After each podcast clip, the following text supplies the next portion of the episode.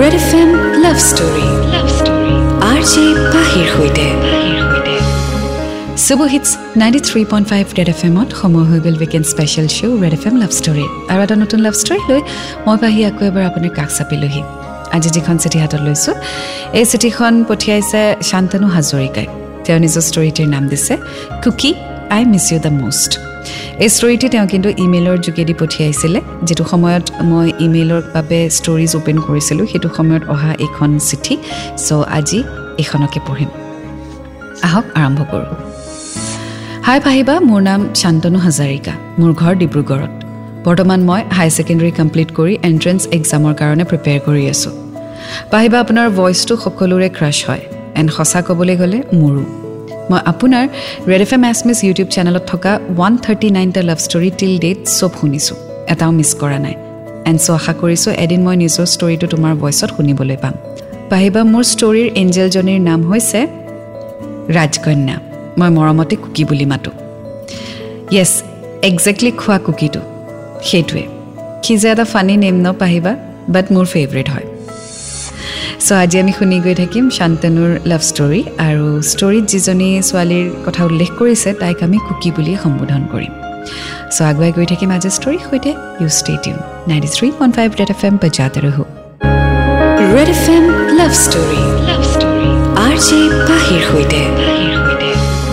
Welcome back and super hits ninety three point five Red F এমত মই আছোঁ আপোনাৰ সৈতে পাহি। শুনি আছে আপুনি weekend special show' Red F M love story আজি শুনি আছোঁ। Shantanu story Cookie I miss you the most আগলৈ তেওঁ লিখিছে তাই আৰু মই স্কুল ফ্ৰেণ্ডছ আছিলোঁ। সৰুৰে পৰা আমি একে স্কুলতে পঢ়িছিলোঁ। তাইক মই সৰুৰ পৰাই চিনি পাওঁ যদিও কিন্তু আমাৰ কথা বতৰা ক্লাছ ছিক্সৰ পৰাহে ষ্টাৰ্ট হৈছিল। তাই পঢ়াত বহুত চোকা আছিল। আৰু আমাৰ মাজত সদায় কোন এক্সামত ফাৰ্ষ্ট হ'ব তাক লৈ কম্পিটিশ্যন আছিলে। নেক্সট আমি ক্লাছ ছেভেন পালোঁ। কি ক'বা পাহিবা মোৰ সেইটো টাইমত ৰিয়া বুলি ছোৱালী এজনীৰ ওপৰত এট্ৰেকশ্যন আছিলে। টিপিকেল টিনেজ ভাইবছ পাহিবা কুকিয়ে মোক ক্লাছ ছেভেনৰ এনুৱেল এক্সামৰ দিনা মাতিছিল আৰু কৈছিল সেই এক্সাম কেনেকুৱা হ'ল? মই ক'লোঁ ভালেই হ'ল। That was our first talk in almost seven years নাজানো পাহিবা কি হ'ল বাট ঘৰত গৈ মোৰ কিবা এটা লাজুকীয়া লাজুকীয়া ফিল হ'ল। It was just an attraction or love at first sight I didn't know' so' স্কুলীয়া প্ৰেমৰ এখন চিঠি আমালৈ আহিছে। আগুৱাই গৈ থাকিম আজি ষ্টৰীৰ সৈতে and ninety three point five Red F M বজাতে ৰহক Red F M love story love story R J পাহিৰ সৈতে super hits ninety three point five Red F এমত মই আপোনাৰ সৈতে পাহি and welcome back to weekend special show' Red F M love story শুনি আছোঁ Shantanu story Cookie I miss you the most আগলৈ তেওঁ লিখিছে আমি ক্লাছ এইট পালোঁ এণ্ড ছাডেনলি মোৰ যোনজনী ছোৱালীৰ প্ৰতি এট্ৰেকশ্যন আছিলে তাইক মোৰ কিবা ভাল নলগা হ'ল। ক্লাছ এইটৰ মিড কুকি আৰু মই ছেইম ক্লাছত আছিলোঁ। তাইক কোনোবা ল'ৰা এটাৰ লগত জোকোৱা শুনিলোঁ। ছাডেনলি ক্লাছত টিচাৰ অহাত মই ইমান এটা পাত্তা নিদিলোঁ। নেক্সট দিনা তাইক মই সুধিলোঁ যে তাইক সেই ল'ৰাজনে ভাল পায় নেকি? তাই নাজানো বুলি ক'লে। তাইৰ আনচাৰ শুনি মোৰো ভাল লাগিলে। এদিন আকৌ আমাৰ লগৰ কিছুমানে তাইক বডি শ্বেমিং কৰি আছিলে মোৰ আগতে তাহাঁতে নাজানিছিল হয়তো যে মই তাইক লাইক কৰোঁ। তাই বহুত বেছি ক্ষীণ আছিল পাহিবা। এণ্ড চ' তাইক সিহঁতে বডি শ্বেমিং কৰি আছিল। ট্ৰাষ্ট মি পাহিবা I made sure my friends never did that again with any other girl ঘৰ আহি এইবোৰ ভাবিলোঁ and I smile the lot এনেকৈ দিনবোৰ পাৰ হ'ব ধৰিলে। মোৰ ফিলিংছ আৰু ষ্ট্ৰং হ'ব ধৰিলে। চ' কুকিৰ প্ৰতি শান্তনুৰ ফিলিংছ ষ্ট্ৰং হৈ আছিলে। অলদ' এক্সপ্ৰেছ কৰা নাছিলে but something or anything related to Cookie সেয়া এফেক্ট কৰিছিল শান্তনুক ছাগলৈ কি হয় জানিবলৈ অকণমান অপেক্ষা কৰক and ninety three point five Red F M বজাতে ৰহো। Red F M love story love story R J পাহিৰ সৈতে। Super hits ninety three point five Red F এমত মই আছোঁ আপোনাৰ সৈতে পাহি। শুনি আছে আপুনি weekend special show' Red F M love story আজি শুনি আছোঁ Shantanu story Cookie I miss you the most আগলৈ ঠাই লিখিছে কয় নহয় পাহিবা nothing is easy in this world মোৰো একেই হ'ল মই গম পালোঁ এদিন যে কুকিৰ হেনো ক্লাছ টেনৰ ল'ৰা এটাৰ লগত ৰিলেশ্যনশ্বিপ আছে। I was numb at that moment I was not ready to believe যোনজনী ছোৱালী ক্লাছৰ চবতকৈ ইন'চেণ্ট তাইৰনো বয়ফ্ৰেণ্ড থাকিব পাৰেনে? But I was wrong she had a boyfriend তাইৰ টু মান্থছ সেই ল'ৰাটোৰ লগত আছিলে।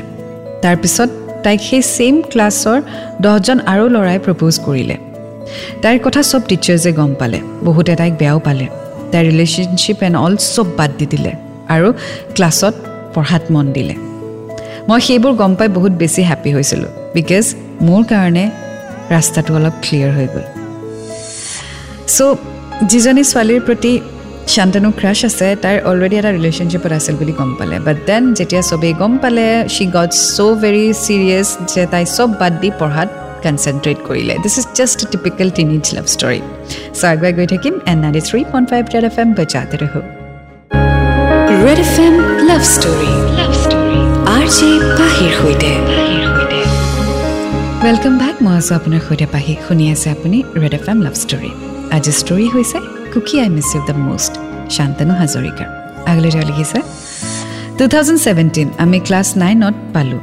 এগেইন আমি same ছেকশ্যনৰ till class nine it had been six months I kept my feelings hidden from her finally পাহিবা the day before my birthday I proposed her silently without any one knowing and she did not react next day was my birthday পাহিবা মই ৰাতিপুৱা সোনকালে school গৈ পালোঁ as I was excited but to my bad luck তাই মোৰ ওচৰলৈ আহিলে আৰু মোক চবৰে আগত বহুত লাজ দিলে ইনফেক্ট তাই মোৰ পৰা বাৰ্থডে ট্ৰফিও ল'বলৈ মানা কৰিলে সেইদিনা আমাৰ স্কুলত ফুটবল মেটছো আছিলে এণ্ড মই লগৰ এজনৰ লগত কাজিয়াও কৰিলোঁ খেলৰ মাজতে। ক্লাছ নাইনৰ গোটেই বছৰটো পাহিবা মই তাইৰ পিছত দৌৰি থাকিলোঁ এণ্ড তাই মোক অলপো পাত্তাই নিদিলে। আমাৰ প্ৰায় কাজিয়া হয়। We were the most well known enemies of our class as we both wanted to get first rank আমি ক্লাছ নাইন পাছ কৰি টেন্থ পালোঁ। তাই ফাৰ্ষ্ট ৰেংক আৰু মই second thirteen March two thousand eighteen মই কুকিৰ কাজিন ককায়েকৰ পৰা গম পালোঁ যে কুকিৰ লাইফৰ ফাৰ্ষ্ট ক্ৰাছ বোলে মই আছিলোঁ ক্লাছ ছেভেনত এণ্ড মই তাইক এৰি বেলেগ এজনী ছোৱালীৰ লগত ধেমালি কৰি থাকোঁ কাৰণে তাই বহুত জেলেছ ফিল কৰিলে আৰু তেতিয়াৰ পৰাই তাই মোক হেইট কৰিবলৈ ষ্টাৰ্ট কৰিলে। সেই ছেইম ডে আমাৰ টিউশ্যনত মই তাইক সুধিলোঁ। আৰু সেইদিনাখন তাইক আকৌ এবাৰ মই প্ৰপ'জ কৰিলোঁ। আৰু সুধিছিলোঁ যে I want you to get all those old feelings back for me again এইবোৰ কৈ মই গুচি আহিলোঁ পাহিবা। স্কুলত তাই মোৰ ওচৰলৈ আহিলে। তেতিয়া মোৰ লগত মোৰ লগৰ দুজনো আছিলে। তাই মোক এখন সৰু কাগজত কিবা এটা লিখি দিলে। তাত আছিলে one four three two which means I love you too this was the cutest thing that have ever happen to me পাহিবা। Well I am sure this was the cutest thing for you but যেতিয়া তুমি ডাঙৰ হ'বা this will be the most embarrassing thing for you কাৰণ এইবোৰ একদম বাচপনা হয়। আৰু তোমালোক ইমান সৰু আচলতে। But anyway thank you so' much for sharing this story আৰু কিছু কথা লিখি গৈ আছে আমি পঢ়ি গৈ থাকিম and ninety three point five Red F M বজাতে ৰহো Red F M love story love story R J পাহিৰ সৈতে super hits ninety three point five Red F এমত মই আছোঁ আপোনাৰ সৈতে পাহি শুনি আছে আপুনি weekend special show' Red F M love story শুনি আছোঁ Shantanu story Cookie I miss you the most আগতে তেওঁ লিখিছে সেইদিনাৰ পৰা my life has changed completely পাহিবা ক্লাছ ছেভেনত যোনটো ষ্টৰী তাই ষ্টাৰ্ট কৰিছিল মই সেইটো আকৌ ষ্টাৰ্ট কৰিছিলোঁ in the best possible way জানা পাহিবা তাই মোক ক্লাছ ছেভেনত ইগন'ৰ কৰাৰ কাৰণে ক্লাছ এইট আৰু নাইনত তাইৰ পৰা আঁতৰ কৰি থ'লে। So' much of ego' my girl had class টেনো পাছ কৰিলোঁ। দুয়োটাই বহুত ভাল পাৰ্চেণ্টেজ ল'লোঁ। ছেইম কলেজত এডমিশ্যনো ল'লোঁ। তাৰপিছতো কিন্তু আমাৰ মাজত সিমান একো প্ৰব্লেম নাছিলে। কাজিয়াটো আমি সদায়ে লাগোঁ সৰু সৰু কথাতে। মোক চকলেট কিয় নিদিলি ক্লাছত বেলেগ ছোৱালীৰ লগত কিয় কথা পাতিলি কিয় হাঁহিছ এইবোৰ মিনিংলেছ কথাত আমি প্ৰায়ে লাগোঁ। এণ্ড নেক্সট ডে যেতিয়া চকলেট দিওঁ মই চব আকৌ ঠিক হৈ যায়। It was very cute for us লাহে লাহে কলেজতো আমাৰ কথা চবেই গম পাব ধৰিলে। পাহিবা কিন্তু কোনোৱে সিমান একো পাত্তা দিয়া নাছিলে। লাহে লাহে কিন্তু পাহিবা আমাৰ মাজত মিছআণ্ডাৰষ্টেণ্ডিং হ'বলৈ ধৰিলে। স্পেচিয়েলি পঢ়া শুনাৰ ক্ষেত্ৰত ইনচিকিউৰিটি এন অল কাজিয়া বহুত বাঢ়ি গ'ল। সদায় কাজিয়া লাগিলে ময়ে চৰি কওঁ পাহিবা যিয়ে হওক লাগিলে। কিন্তু লাহে লাহে মোৰ চৰিৰো ভেলু নাইকিয়া হৈ গ'ল। So' as they are growing up তেওঁলোকৰ mental state physical state emotional ষ্টেটো change হ'ব ধৰিলে আৰু সেইকাৰণে প্ৰব্লেমছো আৰম্ভ হ'ল। চ' আগুৱাই গৈ থাকিম আজি ষ্টৰীৰ সৈতে। You stay tuned and ninety three point five Red F M বজাতে ৰহ। Red F M love story love story R J পাহিৰ সৈতে। ৱেলকাম বেক আৰু মই আছোঁ আপোনাৰ সৈতে পাহি on the show' Red F M love story শুনি আছোঁ শান্তনুৰ ষ্টৰী আগতে তেওঁ লিখিছে এদিন তাই মোক কল কৰিলে আৰু ক'লে I need a breakup and সেই ব্ৰেকআপটো ফৰ এভাৰ হ'ব বুলি তাই ক'লে I was shocked and I was so' sad and heartbroken কি কম পাহিবা তাই মোক এৰি থৈ গ'লগৈ টু এণ্ড এ হাফ ইয়েৰ্ছৰ এটা ৰিলেশ্যনশ্বিপ লকডাউনত খতম হৈ গ'ল বহুত ট্ৰাই কৰিলোঁ তাইক ঘূৰাই পাবলৈ বাট অল ইন ভেইন কি কি যে নাই কৰা মই সেইবোৰ ক'বলৈ গ'লে বহুত দীঘল লিষ্ট এখন হ'ব। I went to depression and সেইবোৰৰ পৰা বাহিৰত আহিবলৈ মই বহুত ট্ৰাই কৰিছোঁ যদিও ফিফটি পাৰ্চেণ্টহে ছাকচেছফুল হ'লোঁ। আজি ব্ৰেকআপ হোৱা ওৱান ইয়েৰ হ'ল। Still even today both of us are single and busy in our own lives still পাহিবা সদায় ৰাতি কান্দো তাইৰ কাৰণে তাইক মিছ কৰোঁ তাইক বহুত বেছি মিছ কৰোঁ। পাহিবা মই জানো তাই কাকো বেলেগ ল'ৰাক ভাল নাপায়। এণ্ড তাই মোক দুনিয়াত চবতকৈ বেছি হেট কৰে। ষ্টিল আই লাভ হাৰ পাহিবা and will always love her through this story I want to apologise her once again and please পাহিবা তুমি তাইক কোৱা না মোৰ ওচৰলৈ যাতে ঘূৰি আহে সেই পুৰণা শান্তনুৰ দৰে আঁকোৱালি ল'ম থেংক ইউ পাহিবা মোৰ বুকুৰ মাজত থকা ইম'শ্যনছবোৰ প্ৰকাশ কৰিব দিয়াৰ বাবে I will be grateful and red F M Assamese YouTube চেনেলত লাষ্ট তোমাৰ মৰমৰ ভাইটি শান্তনু প্লিজ প্লিজ প্লিজ পাহিবা মোৰ ষ্টৰিটো প্ৰকাশ কৰিবা এণ্ড আই হোপ তাই ঘূৰি আহিব। Well Shantanu this is just a beginning তোমালোক বহুত সৰু and this is just a phase of life আৰু তাৰপিছত যেতিয়া তুমি ডাঙৰ হৈ চাকৰিত সোমাবা তুমি বহুত মানুহ লগ পাবা। And this will be just a passing phase in your life আৰু তাইৰ কাৰণেও সেইটো।